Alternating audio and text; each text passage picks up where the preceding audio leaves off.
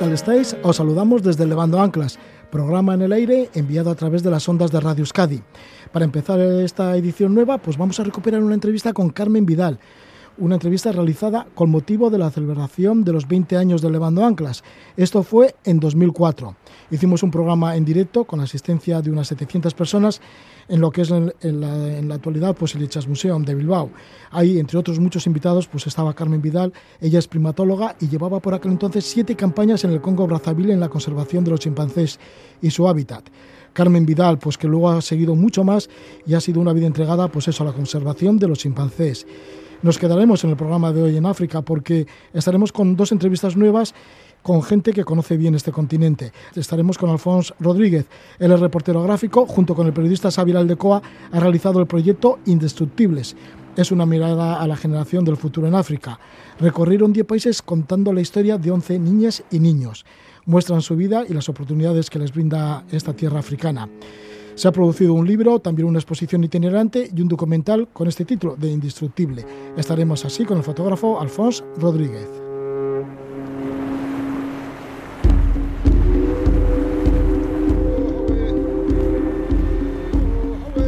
También estaremos con otro africanista, el historiador Fernando Bayano. Fernando Bayano, que en esta ocasión nos va a comentar cómo ha rescatado y traducido, editado el libro del aventurero francés Camille Dulce con el título de Cinco meses con los nómadas del Sáhara Occidental 1887. Así que nos trasladamos al siglo XIX y hablaremos de las aventuras que vivió Camille, uno de los pioneros europeos en adentrarse en un territorio dominado por bravos y curtidos nómadas en un medio totalmente adverso como es el Sáhara Occidental eh, medio adverso por aquel entonces. Y es que Camille sufrió muchos peligros y participó en sus correrías por las arenas del Sáhara junto con los nómadas. Nos lo contará Fernando Bayano, pero ahora vamos a recuperar esa entrevista realizada en marzo de 2004 con Carmen Vidal.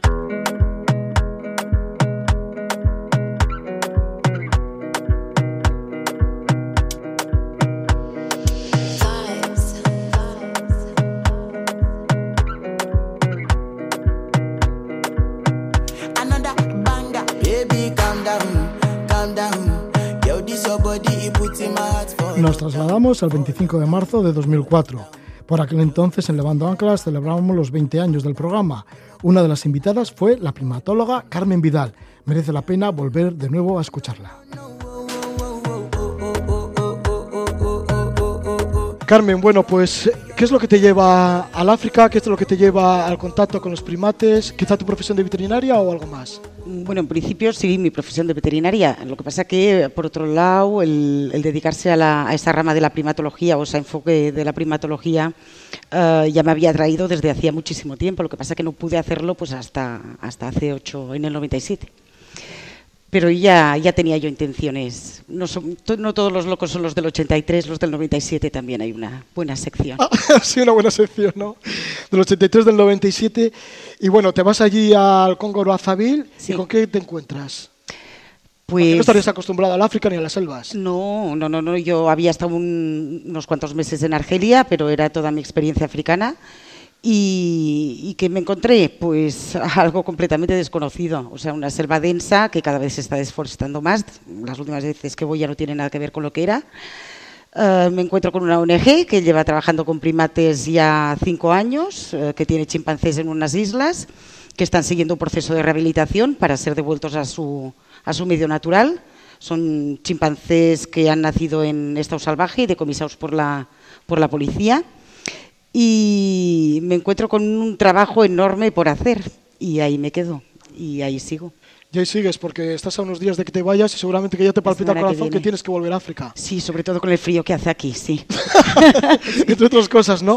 Pero sí que ya tienes una relación con esos chimpancés, tienes... Sí, hombre, ya les conozco, les he visto crecer y, desde luego que, que, ya no tiene nada que ver como, como cuando al principio, cuando llegué.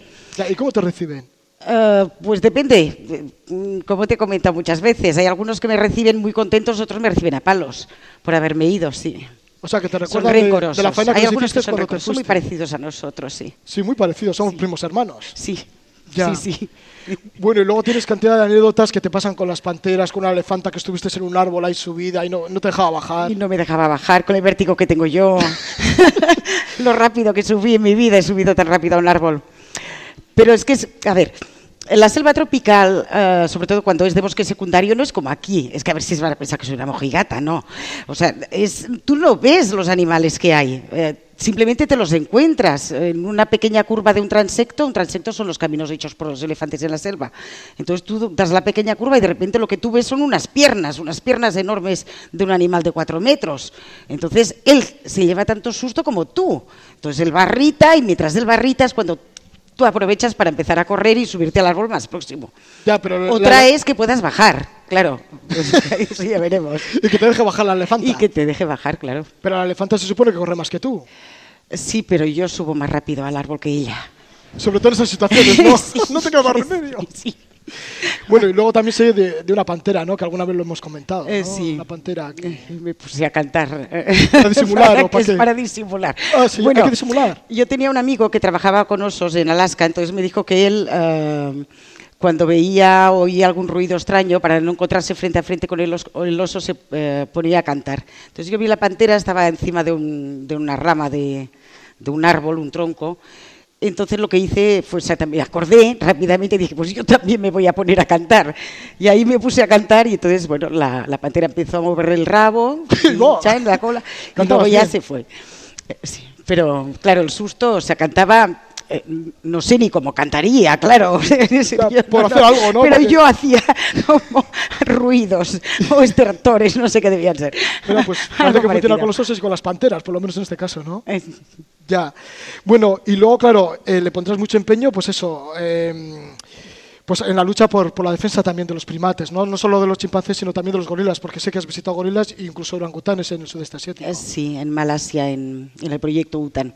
Bueno, a ver, es que mm, nuestro proyecto, aparte de, de la rehabilitación de chimpancés, que eso es un experimento que estamos haciendo para un futuro, dentro de unos 20 años que se calcula que ya no habrá más chimpancés en estado salvaje, pues saber cómo se, se adaptan a los chimpancés que han estado en cautividad las nuevas condiciones de vida.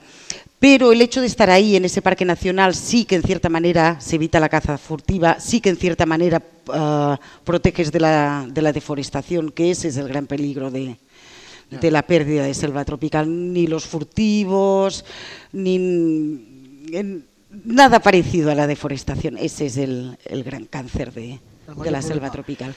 ¿Y qué pasa si nos Nosotros, quedamos? vaya, somos los que compramos maderas tropicales. Sí, sí, sí. Bueno, los- el hombre, que es el, El depredador, ¿no? El mayor depredador. Pues sí.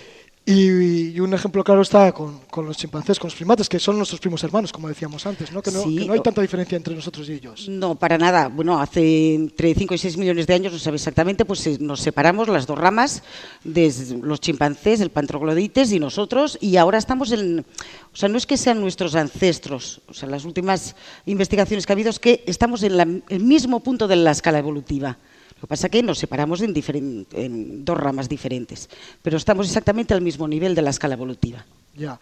Bueno, pues aprende muchísimo con Carmen. Nos reímos también muchas veces cuando viene y nos cuenta tantas anécdotas de la selva y, y su relación con los primates. Que tengas buen viaje allí para el Congo. Gracias, Vale, Carmen, un, un aplauso para Carmen. gracias, gracias.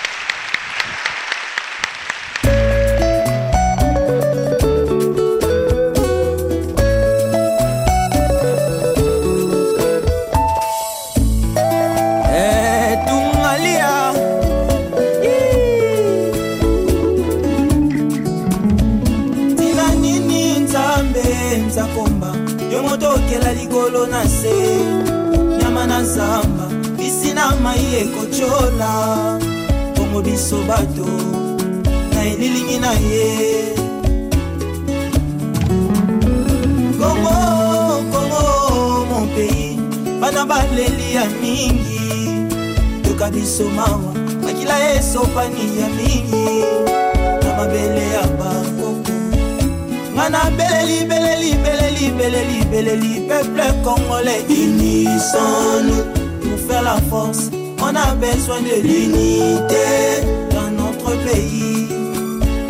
Kinshasa kivu kasai tosangana mpona kotonga ekolo ya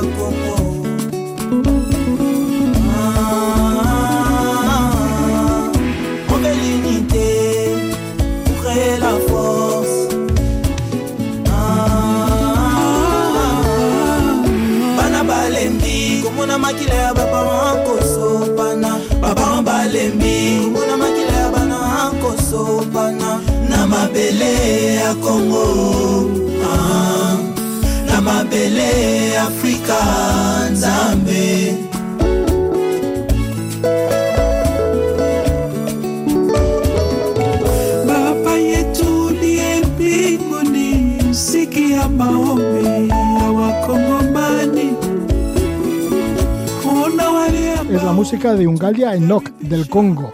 Y es que nos vamos a acercar a la República Democrática del Congo y a otros países africanos. Lo vamos a hacer a través de Alfonso Rodríguez, que además tuvo la oportunidad de ascender al volcán Iragongo de 3.470 metros.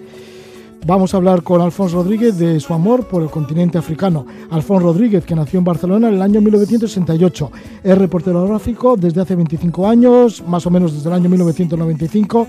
Se ha movido por un centenar o por más de 103, 104 países del mundo. Es autor de varios libros de fotografía como Entre Miradas, sobre retratos de personas de todos los continentes. También dirigió el documental La Tierra Dormida sobre el transiberiano en invierno, cuando se cumplió el centenario de la Revolución Rosa. Alfonso Rodríguez en otras ocasiones pues nos ha hablado de eso mismo, del transiberiano, pero también nos ha hablado de reportajes en Bielorrusia, en Belice, en El Salvador y otros lugares de la Tierra. Esta vez nos vamos a centrar en el proyecto que ha desarrollado junto con el reportero Xavier Aldecoa con el título de Indestructibles. Se han movido por 10 países repartidos por la geografía africana, explican la historia de 11 personas entre niños y jóvenes mm, de estos, de estos 10 países. De esta manera toman el pulso a los retos de las nuevas generaciones de africanos. Le damos la bienvenida a Alfonso Rodríguez. Alfonso, bienvenido, muy buenas noches. Hola, muy buenas noches, Roge, ¿qué tal? Pues eh, Indestructibles, ¿no? Que ya dimos cuenta de ello con una entrevista al reportero Xavier Aldecoa en un libro que apareció en Península con el mismo libro. Y además de todo esto, pues también se publicó un fotolibro, ¿no? Sí, efectivamente, Indestructibles es, eh, es un proyecto transmedia que tiene diferentes formatos y uno de esos formatos es el fotolibro que ahora ya, bueno, vamos ya por la segunda edición y que estamos muy contentos porque está teniendo muchísima aceptación y está gustando mucho, así que bueno, muy agradecidos a todo el mundo. Bueno, resulta que Alfonso has viajado como unas 70 veces al continente africano y conoces más de 30 países de los 55 que consta el continente. ¿Por qué os habéis centrado esta vez en la gente joven, en Indestructibles? Bueno, fíjate que África es un país muy joven. La media de edad es, es eh, prácticamente de, eh, podríamos decir, adolescente. Tiene una media muy baja de edad eh, y eso hace que eh, precisamente ese hecho, que sea un continente muy joven, hace que la próxima generación pues eh, vaya a ser al, eh, vaya a ser un grupo de gente, eh, vaya a ser un grupo de población muy numerosa y que van a ser los que de alguna manera van a marcar el ritmo ¿no? en ese África del futuro, ese África de la próxima generación, de la que, la que van a vivir los que ahora nosotros tenemos aquí en, nuestra sociedad o en nuestro país como niños o adolescentes. ¿no? Y hemos querido tender una especie de puentes, ¿no? que los que ahora son aquí niños y jóvenes, aunque el proyecto va dirigido a todo el mundo, por supuesto, no tiene una franja de edad, ¿no?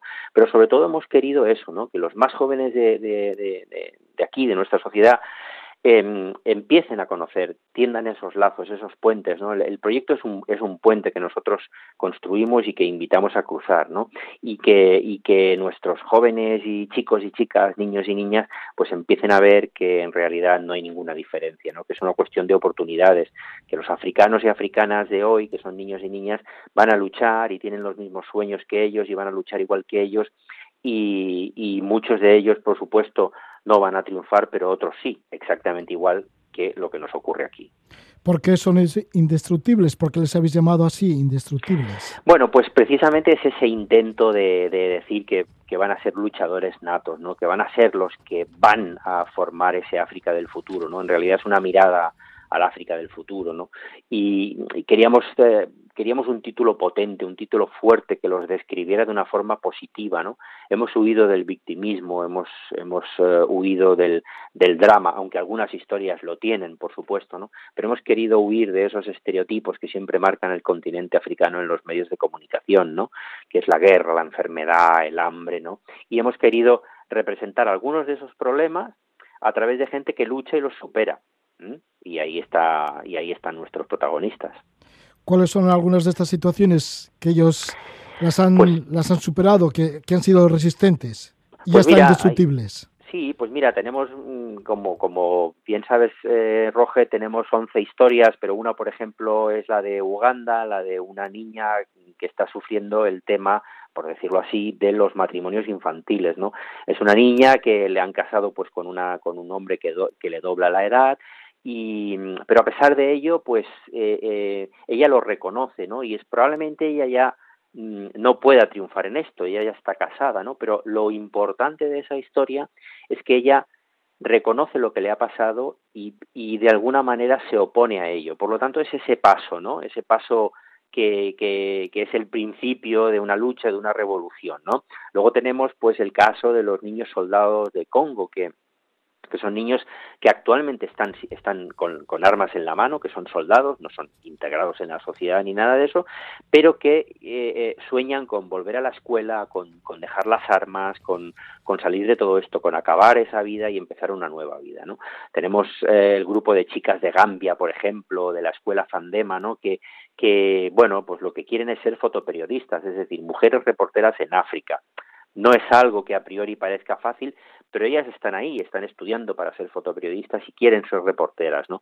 Ese primer paso, muchas de ellas lo conseguirán, otras no, pero ese paso por intentarlo es lo que realmente queremos destacar, ¿no? De todo esto. Y así, pues, diferentes historias, ¿no?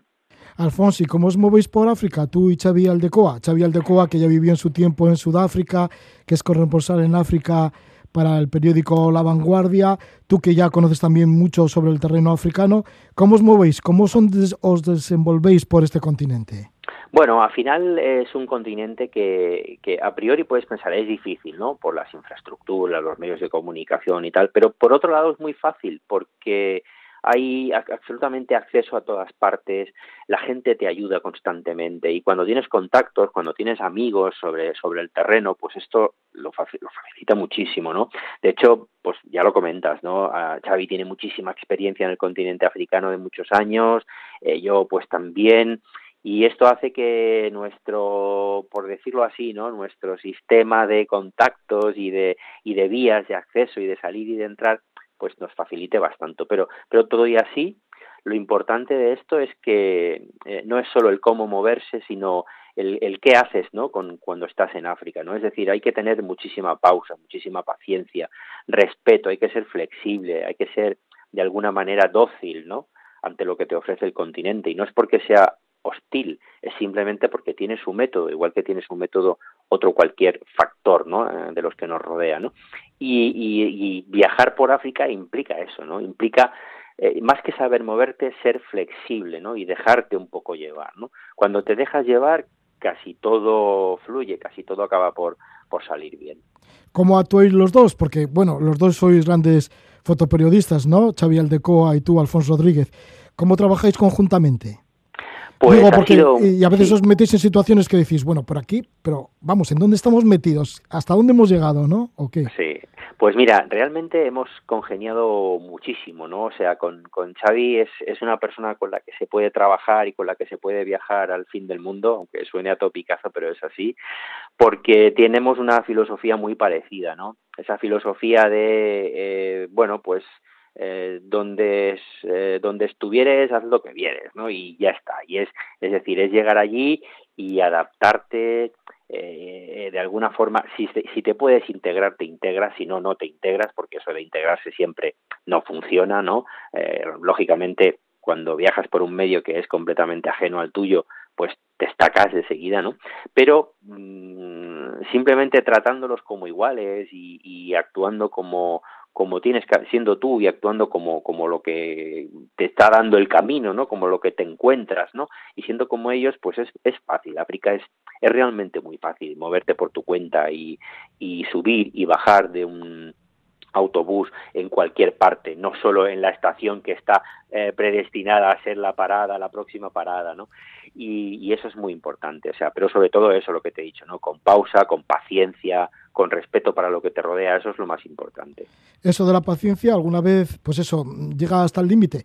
No sé si en alguna ocasión habéis llegado muy tarde a un sitio y habéis tenido que elegir el primer lugar en donde podéis ir a dormir. Sí, eso es constante, ¿eh? eso es una constante y es lo que te hablo del, adaptarse, ¿no? Eh, concretamente en la historia de Congo de Indestructibles, eh, después de ocho meses de preparar nuestro encuentro con el grupo rebelde en, en las selvas del Masisi, el último día que estábamos ya allí en Congo, llevábamos una semana y todavía no sabíamos si podríamos ir a acceder a ellos o no. El último día por la noche, a las 3 de la mañana o así, todavía estábamos diciendo, ¿qué hacemos? Mañana por la mañana, ¿nos levantamos y nos subimos en ese coche que nos vendrá a buscar o no? ¿Nos fiamos? ¿No nos fiamos? Era todo muy confuso, muy caótico, ¿no? Y al final te subes a ese coche y ¡boom! se desencadena todo, ¿no?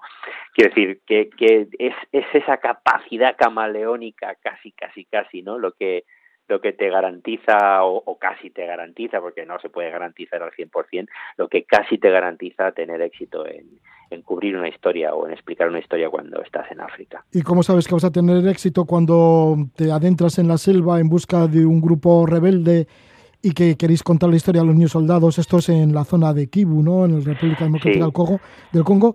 Bueno, seguramente que hay un montón de incertidumbres, ¿no? Hacia dónde vamos, qué va a pasar, quién nos va a recibir, cómo nos van a tratar. Exacto, eso es constante. ¿eh? O sea, realmente tú no sabes que tienes la historia hasta que no sales de allí y haces las copias de seguridad en tu disco duro y dices, ahora la tengo, ¿no? Realmente hasta ese momento tú no sabes que la tienes. Fíjate que nosotros después de poder, después de de, todo un, un, rocambolesco viaje para llegar al norte, mm, te encuentras que, caray, o sea, todavía quedaba un recorrido en moto, un recorrido a pie, te van diciendo, te van dando unos contactos, te van, te van diciendo dónde entrar, dónde salir, y al final, hasta último momento, alguien no nos salió de repente entre los árboles y nos dijo, hey, yo os he venido a buscar un, un hombre con un Kalashnikov, y a continuación aparecen otros y ya te acompañan durante dos horas otra caminata. Bueno, quiero decir que es como interminable y nunca sabes realmente ni dónde vas, ni qué vas a conseguir, ni quién te va a atender, ni cómo va a acabar todo y realmente esa incertidumbre forma parte del trabajo y no es que guste, pero estás acostumbrado a ella. En, en Indestructibles aparecen dos niños que empuñan sus armas y lo tituláis Messi tiene un Kalashnikov oxidado. Sí, porque realmente uno de los niños, eh, pues eh, Rodríguez, pues eh, estuvo todos los días que estuvimos con ellos, estuvo con una camiseta con el número 10 de Messi, ¿no? Y, y bueno, al final Xavi decidió titularla así porque, bueno, tienen unos Kalashnikov, te puedes imaginar, ¿no?, cómo son los grupos rebeldes en, en el norte de Congo tenían unos Kalashnikov que, que, a veces tienes dudas de si realmente iban a funcionar o no, ¿no? En, en, caso de en caso de una escaramuza o de una batalla y estuvo todos los días con la misma camiseta porque era un fan absoluto de, de Messi y del y del Fútbol Club Barcelona, ¿no? Por lo tanto, al final el título tenía que ser ese también un poco por ese link, ¿no? De entre entre algo irreal, casi casi imaginario, como puede ser eh, para Messi esta historia y entre el propio niño y su realidad y Messi, ¿no? Y el Fútbol Club Barcelona, algo a lo que probablemente no, no pueda acceder nunca, ¿no? Ni siquiera acercarse, ¿no? Eh, por lo tanto, ese título es un poco como el reflejo, ¿no? De, de, esa, de ese paralelismo entre la realidad y la, y la, y la fantasía, ¿no? Por decirlo así. ¿Por qué luchan estos niños soldados? ¿Cuál es la ideología? Sí, la ideología es como la de todos los grupos rebeldes, ¿no? Ellos eh, luchan contra contra el FDLR ugandés y luchan contra la opresión de otros grupos militares o paramilitares en la zona y por supuesto luchan para, para ganarse la vida, ¿no? Luchan por mantener un territorio, por mantener el control de unas minas, por, uh, por de alguna forma por, simplemente por subsistir, ¿no? Al final, eh, con lo cual es, es, es, relativamente la lucha es relativamente revolucionaria, ¿no? Es, es más una casi una necesidad que, que una ideología. Ya, que no es lo mismo de, yo qué sé, fíjate, es que estoy dando un salto tremendo, ¿no? Lo de Fidel Castro y el Che y toda esta gente no, en Sierra Maestra, que ya no. tenían una clara ideología. Claro, claro, no, aquí no se da eso. Una clara ideología revolucionaria y demás. Claro, claro, claro, aquí no se da eso. Qu quizá haya ciertos tintes, ¿no? De, de, de, de, revolverse contra el sistema, contra el ejército nacional, contra un ejército opresor, contra... Pero realmente, no, realmente al final un, un Kalashnikov en la mano de un congolés, de un guerrillero, es una tarjeta de crédito, al final. ¿Cómo? Con, sí. Que al final un, un AK-47, un Kalashnikov, en las manos de un guerrillero congolés es una tarjeta de crédito. Es lo que te da poder, es lo que te da eh, acceso, es lo que te da eh, poder llevarte cosas, no, te iba a decir comprarlas, pero no, no, es lo que te da poder llevarte cosas, no, aunque sea robándolas, no, es, es, es simplemente tener, tener, un Kalashnikov es respeto, no, o sea, cuando tienes un arma la gente te respeta, si no la tienes, pues eh, no, no, te respeta y además estás bajo el yugo puedes estar bajo el yugo de un grupo armado, ¿no? y más vale unirte al enemigo que no, que no sucumbir ante él. La región de Kivu que debe ser preciosa, ¿no? Que en otro tiempo cuando se llamaba el Zaire del país, la República Democrática del Congo, pues era un sitio, no iban muchos turistas, por supuesto que no, pero que era uno de los sitios más indicados, ¿no? Por sus bellezas.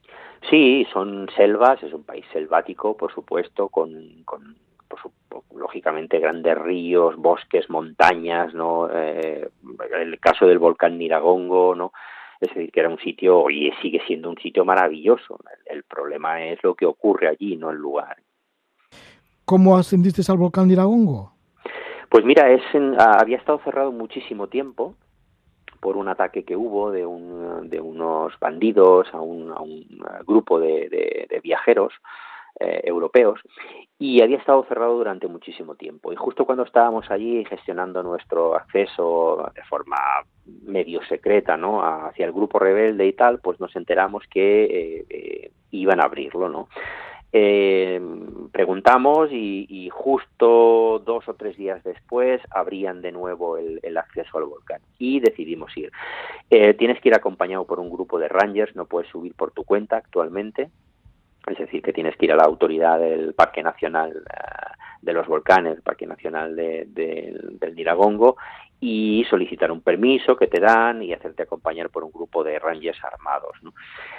Y es un, al fin y al cabo es una excursión, es un trekking, por decirlo así, un poco largo, pero es una excursión maravillosa porque, bueno, claro, subes casi 2.000 metros de desnivel en un día, es durísimo porque además es un camino que no zigzaguea, sino que sube en línea recta hacia, la, hacia el cráter y cuando llegas allí, pues ya es la tarde, tienes que pasar allí la tarde y la noche, y claro, cuando más espectacular es, es por la noche, porque es un volcán en activo, lo recordemos, y tiene un lago de lava eh, incandescente que es absolutamente maravilloso y, es, sobrecogedor el ruido, el olor, las llamas y estás muy cerca realmente porque puedes puedes pasar la noche en el mismo borde del cráter, ¿no?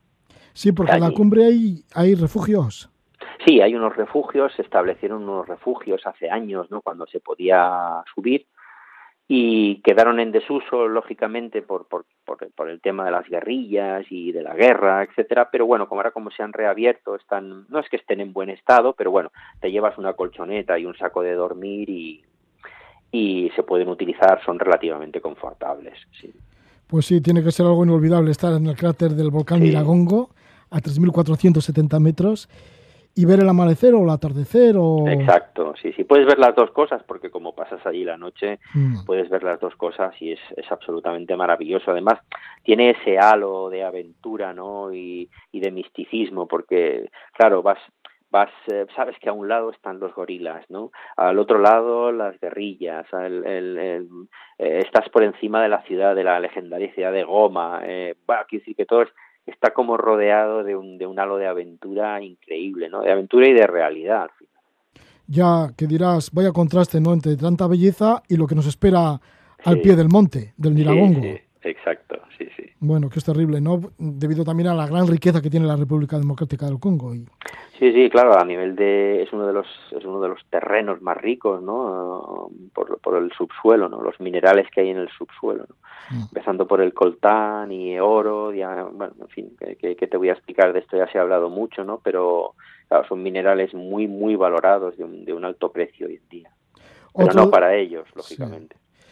Estamos con el reportero gráfico Alfonso Rodríguez, nos habla desde Barcelona y estamos hablando del proyecto Indestructibles, que lo está desarrollando junto con el reportero, el fotoperiodista también, Xavier Aldecoa, que escribió un libro editado en Península con este mismo título. También hay un libro de fotografía sobre lo mismo, también una, una serie de exposiciones, una página web, indestructiblesafrica.org. Alfonso Rodríguez, que en este proyecto Indestructibles y Xavi Aldecoa han visitado 10 países repartidos por la geografía africana, Guinea-Bissau, Gambia, Cabo Verde, Etiopía, Uganda, República Democrática del Congo, Chad, Mozambique y Madagascar. Muchísimas gracias por estar con nosotros una vez más, Alfonso Rodríguez. Gracias a ti, Roge, gracias a toda tu audiencia y buenas noches.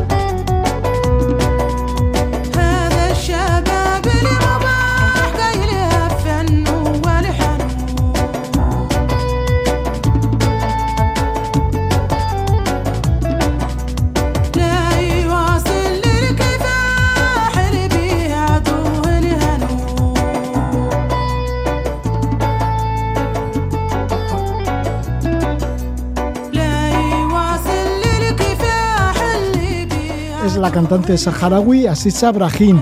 Nos vamos hacia el Sáhara Occidental, pero el Sáhara Occidental del siglo XIX. Vamos a hablar de un libro que lleva el título de Cinco meses con los nómadas del Sáhara Occidental 1887. Para ello tenemos con nosotros al historiador Fernando Bayano. Ha trabajado Fernando como profesor en Nueva York y en Madrid. Ha sido funcionario de la ONU en Burundi, guía en Tanzania y Mali tiene también bastantes libros publicados, por ejemplo, guías de viajes, la de Tanzania, la de Ruanda, la de Burundi, la de Zanzíbar, la de Polonia y también diversos ensayos de divulgación histórica como Exploraciones secretas en África, de esto hablamos ya con él en el año 2013, o sea, hace ya bastante tiempo. También tiene el libro Exploraciones secretas en Asia, Españoles en África o Aquel negrito del África tropical sobre la colonización española en Guinea Ecuatorial. Cuando preparaba el libro sobre los exploradores secretos que se disfrazaban para entrar en el mundo musulmán en África, dio con el aventurero francés Camille Dulce.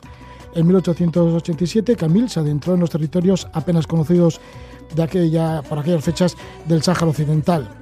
La narración de las vicisitudes que padeció Camille las publicó en forma de fascículos en las revistas francesas de viaje y exploraciones Le Tour du Monde. Fernando Bayano se interesó en el relato y consiguió una copia original del año 1888. Lo ha traducido y editado bajo el título de Cinco meses con los nómadas del Sáhara Occidental 1887. Es la primera vez que se edita en castellano y vamos a estar con el propio Fernando Bayano para que nos hable de este libro y también de cómo él mismo recorrió el Sáhara Occidental hace ya un tiempo. Lo hizo de sur a norte, desde Dagla hasta Layún en transportes públicos. Le damos la bienvenida a Fernando Bayano. ¿Qué tal estás, Fernando? Muy bien, buenas noches, muchas gracias. Buenas noches. Bueno, ¿por qué tu interés en desvelar estos exploradores secretos que en el siglo XIX se disfrazaban de árabes y se internaban en el mundo musulmán sin renegar de su condición de cristianos, aunque engañaban diciendo que procesaban la religión del Islam? ¿Por qué has ido en busca de estos personajes? Pues siempre me interesó el mundo de los viajes y empecé con lo de las guías y después pues eh, conocí varios casos de exploradores o viajeros que quisieron entrar en lugares prohibidos y para ello tuvieron que disfrazarse.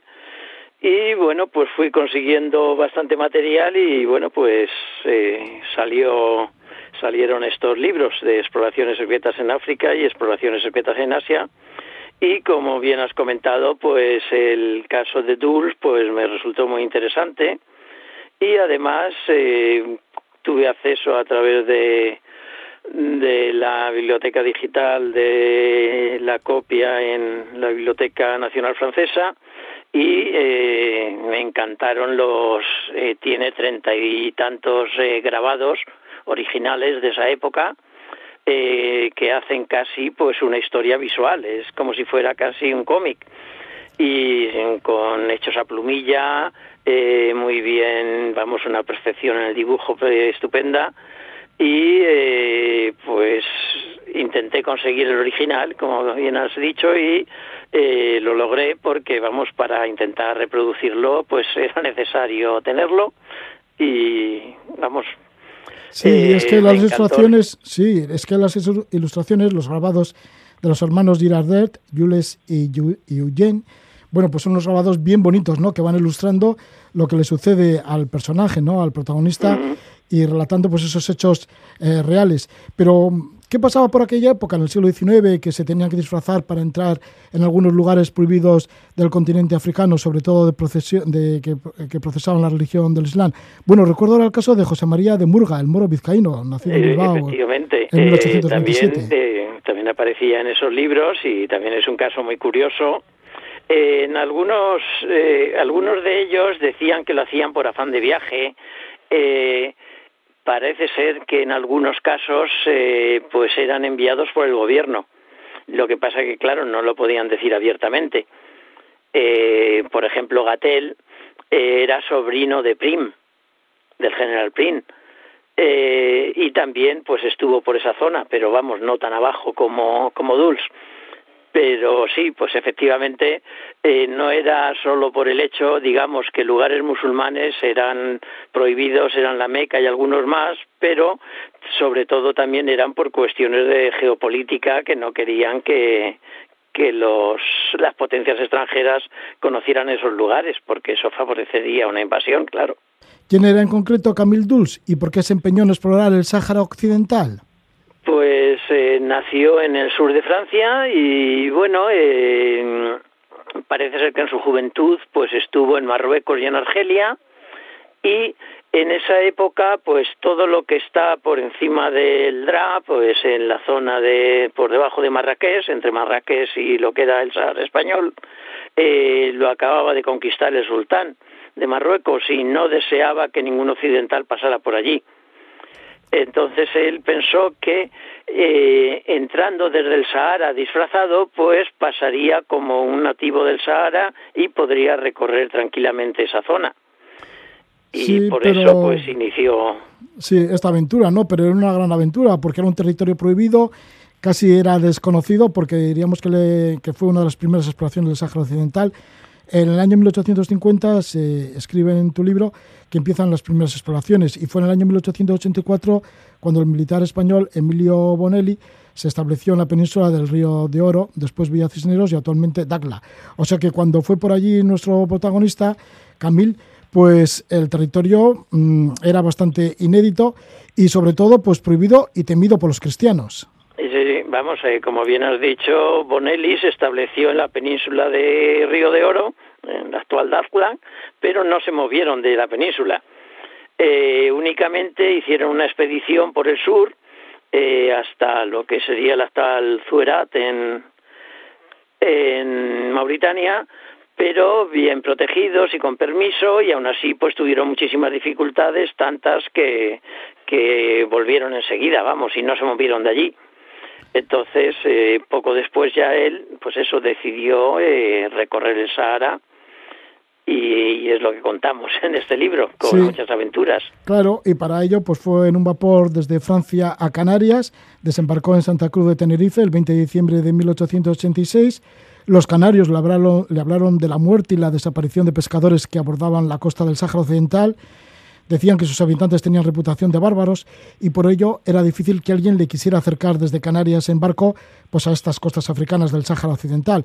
Sin embargo, pues parece que alguien se animó y en la goleta Adelaida, a primeros de enero, pues fue vestido de maometano Camil y su decisión era irrevocable, a pesar de los peligros, y tocó ya la tierra africana. Pero bueno, lo esperaban, pero un montón de aventuras y casi estuvo al borde de la muerte. ¿Qué le pasó nada más tocar tierra en el Sáhara Occidental? Eh, sí, en cuanto desembarcó, pues vamos, se encontró con unos saharauis que rápidamente pues le despojaron de todo lo que tenía, pero literalmente él llevaba, él llevaba unas cajas porque iba disfrazado de comerciante, llevaba objetos para vender y tal, eh, pero vamos, le quitaron todo, bueno, la, las cajas las había escondido, le quitaron todo lo que llevaba encima, eh, lo quisieron matar, pero apareció uno, Ibrahim, que era pues un poco el jefe de una pequeña de un pequeño campamento y un poco pues fue el que le salvó. Le salvó, pero sí, al principio la verdad que es que él apareció por ahí, encontró unos rebaños de dromedarios guardados por pastores esclavos y siguió andando por el desierto, estaba quemado por el sol, sediento, de sed, y cuando percibió a lo lejos la presencia de un grupo de cuatro saharauis, resulta que le asaltaron, le robaron todo, le despojaron de la ropa, menos mal que estaba Ibrahim, que era la persona mayor, y de alguna manera fue su anfitrión, pero así todo no se fiaban de él, porque le consideraban como cristiano porque había llegado del mar. Eh, sí, ellos tenían muy claro que eh, eh, por el mar solo llegaban algún francés que también pues mm, naufragaba su barco cuando iban a Senegal o bien pues pescadores canarios pero no concebían que por el mar llegara un, musulmán los musulmanes estaban al norte al sur o al este pero no entendían que vamos no se creían que fuera musulmán Camille Dulce para ello dijo, pues eso lo que comentas tú, ¿no? Que era un comerciante, un comerciante, él decía argelino, que había sido lanzado a la costa y dijo que se llamaba Abd el Malek. Y para que vieran que era musulmán, proclamaba la sajada. ¿Qué es la sajada? La sajada es la profesión de fe de los musulmanes, que es, eh, pues es la ilaha illallah muhammadan rasulullah, que es no hay más Dios que Alá y Mahoma su profeta. Entonces, si eso lo dices delante de un musulmán eh, haciendo una determinada señal, pues consideran que es cierto que eres musulmán. Él lo sabía, la hizo, pero también se había circuncidado para por si le miraban, pero eh, no le creían en absoluto y vamos, pues lo pasó muy mal. sí, Ibrahim Ol Mohamed que era el anfitrión, le llevó a su Jaima, que tenía una familia de cinco hijos, de los cuales dos eran chicas, también tenía un criado y un esclavo. Y claro, pues a muchos le tomaban como cristiano espía, hubo, muchas disputas sobre este personaje, quién era Camille en realidad, si era cristiano, si era musulmán, y a veces pues le hicieron pasar que muy mal, ¿no? Porque incluso le enterraron en la arena, en la arena caliente del desierto. Sí, sí, él les llevó donde tenía escondidas las cajas para que vieran que tenía buena voluntad, se repartieron todo lo que llevaba en las cajas, pero los que andaban detrás de él que cuando los otros se fueron ya con el botín, pues le enterraron, vamos, le enterraron hasta el cuello. Que lógicamente, pues es claro, él veía que ya iba a morir, pero bueno, pues le percibieron los otros y, lograron que lo que lo desenterraran. Sí, porque él pensó que pues que le iban a enterrar vivo pero Jack, moribundo, balbuceó una sura del Corán y se vieron obligados los que le enterraron pues a liberarle. Y luego, bueno, pues le llevaron ante un, sabio que le examinó para ver si era musulmán o cristiano, luego ante un jeque y el jeque parece que le dijo que sí, que le quitaran los grilletes y así, porque iba con grilletes, y que le dejaran libres porque era un auténtico musulmán. Así que ya, ya empezó a librarse. Y luego también hay una historia de amor, ¿no? Con una chica, con Elia Sise. Una joven nómada. Eh, la hija mayor de Ibrahim, eh, pues como estaban en, vamos, en, en contacto porque vivía con ellos, pues parece ser que eso pues se entendían muy bien y llegó un momento en que pues incluso pues le le pidió, vamos, eh, le ofreció la mano de su hija, pero claro, tenía que pagar una dote. ¿Y qué pasa? ¿Que no tenía para pagar la dote? Claro, como le habían quitado todo y no tenía nada, pues un poco pues ahí vio la posibilidad de, de salir de allí porque no veía cómo los podía abandonar, porque ya se había integrado de tal manera, incluso le hacían participar en los asaltos que, que efectuaban sobre otras tribus más tranquilas o sobre caravanas comerciales. Y claro, él quería salir un poco de allí ya de, de esa zona y subir al norte. Sí, porque como dices, se fue integrando, incluso con la familia de los nómadas con los que vivía, pues em, iba recorriendo camino, recogían las jaimas, luego las volvían a, montar en otros campamentos. ¿Cómo se fue haciendo estas tradiciones y cuáles eran las tradiciones que él va describiendo? Eh, sí, vamos, describe un poco pues todo lo que es la vida, es muy interesante porque eh, describe todos los aspectos de la vida, lo que habla de la tenencia de esclavos, eh, eh, el ordeño de las dromedarias, cómo se alimentaban, cómo celebraban los bautizos, las bodas, eso cómo atacaban a otras a otras caravanas, un poco todo lo que es la vida, que eso pues resulta muy interesante porque de esa época no sabíamos nada de, de el Sahara. Llama la atención que el trabajo que tienen las mujeres, que describe las mujeres que son ellas y los niños los que recogen las jaimas, los que montan las jaimas, las que se preocupan de todo y los hombres lo único que hacen es vigilar los rebaños. Sí, sí, es muy curioso y efectivamente pues es así y ellos pues ocupan de la seguridad de los rebaños, pero eso de supervisar, porque de los rebaños ocupaban los niños o los esclavos. ¿Y cómo vestían estos hombres y mujeres que ya se ven en estos grabados? Bien bonitos. Pues según él, eso pues son ropas, bueno, unas ropas, eh, además, pues eso, que no se cambiaban hasta que se iban rompiendo y simplemente pues una túnica, tanto ellos como ellas, y eh, pues en esa época nada más, eh, algunos llevaban alguna sandalia, pero rara, era muy raro. Sí, la verdad que vivían bastante austeros y muy pobres allí en el Sáhara. Sí, lógicamente, pues se alimentaban de la leche de, dromedaria y a veces pues te cambiaban por algún grano, eh, a veces mataban también algún cordero, también solían llevar corderos, carneros y ovejas, y, pero solo en muy raras ocasiones. Eh. Era pura supervivencia, ¿verdad? Sí, lógicamente en aquella época pues vamos, era, estaba, estaba muy poco poblado y bueno, pues el camello y los animales que llevaban les, les daban todo lo que necesitaban. ¿Cómo eran los juegos y las danzas? También eso describe eh, los uno de los juegos era eh, ponerse, uno se ponía en medio y los otros, pues digamos, eh, le daban collejas o le daban golpes y él solo se podía defender con una pierna y cuando lograba tocar o dar una patada a uno de los que le hacían corro, pues el otro pasaba a, a ocupar el lugar central. Y esto, pues encontré fotografías de la época de la colonización española, de, de las tropas que estaban en el ejército español, que pues eran unidades mixtas y los saharauis pues seguían jugando estos juegos. Vamos a recordar que estamos con Fernando Bayano, que ha traducido el libro Cinco meses con los nómadas del Sáhara Occidental. Un libro eh, escrito, bueno, la expedición fue en el año 1967 y el protagonista es el expedicionario Camille Dulce. Luego en el año 1968 se fue publicando sus relatos en la revista Le Tour du Monde, que es una revista francesa del siglo XIX muy importante dentro del mundo de los viajes y las exploraciones de aquella época, ¿no? Y bueno, pues Fernando, tú has traducido este libro porque mm, da testimonio de una de las primeras expediciones al Sáhara Occidental, pero tú también has estado por allí en el Sáhara Occidental recorriendo el país. Eh, sí, vamos, eh, coincidió que, vamos, cuando estuve trabajando en Mali al volver, en una de las ocasiones, pues el avión hizo escala en el Ayun y me quedé con las ganas de conocer aquello, pues el poco paisaje que vi me pareció eh, muy interesante y de y en cuanto tuve oportunidad dos años después, pues me planté allí en, en Dacla, en Antiguo Villa Cisneros, que el indicativo del, del aeropuerto todavía sigue siendo la V y la L y las dos L's. Eh, y desde ahí pues ya me estuve, vamos, fui recorriendo todo el Sahara eh, hasta el Ayun y luego hasta Esmara, ya en el, en el este.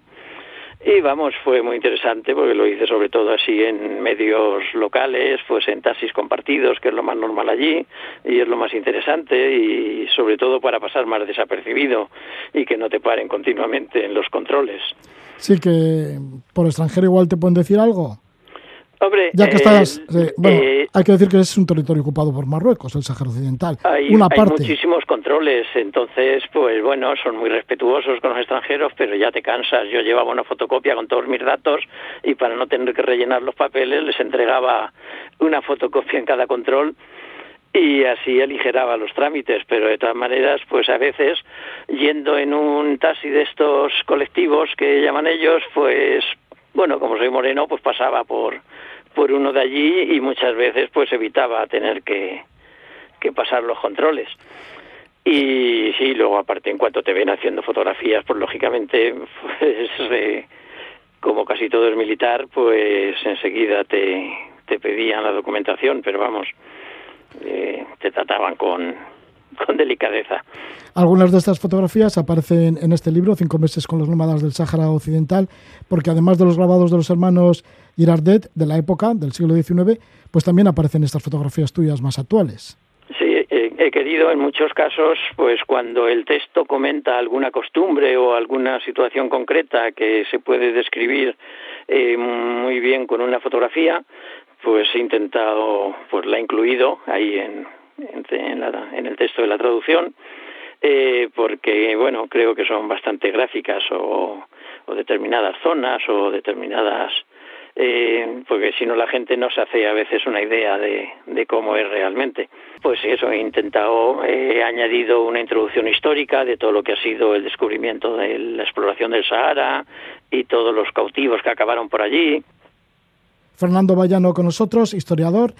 Aquí nos está hablando del libro Cinco meses con los nómadas del Sáhara Occidental, 1887, un libro que publica Confluencias Editorial.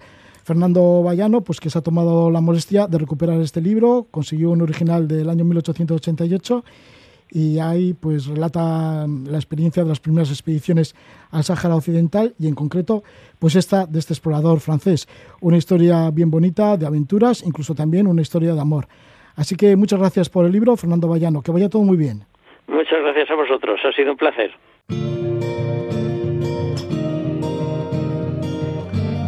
Fernando Vallano ha recuperado y traducido este libro de aventuras que transcurre en el Sáhara Occidental en 1887. Finalizamos Levando Anclas con Desgarayan e Idoya con el tema Begui Arguís.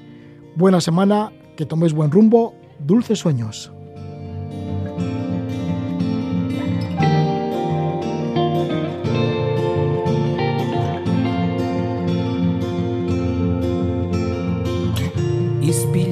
Aurrean bizitza lanerako. Lertzear muturrean bizitza ez delako. Begira da lurrean pasa izango zinen Triste ikusten zaitu Begira da lurrean pasa izango zinen Triste ikusten zaitut esan dizunerako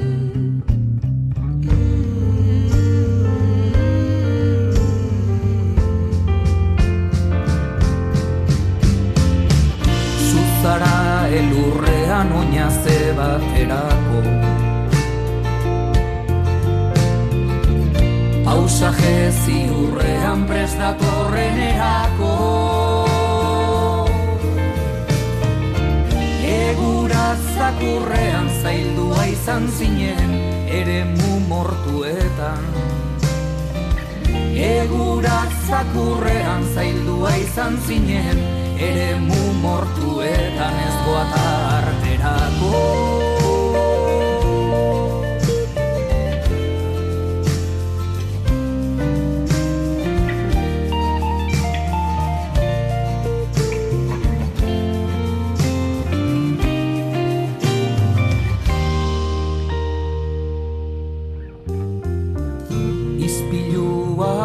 izan gogoa aurrerako.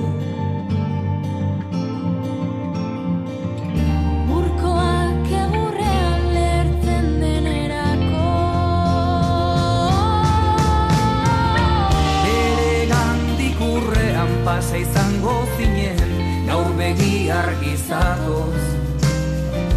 Bere gandik urrean pasa izango zinen gaur begi argi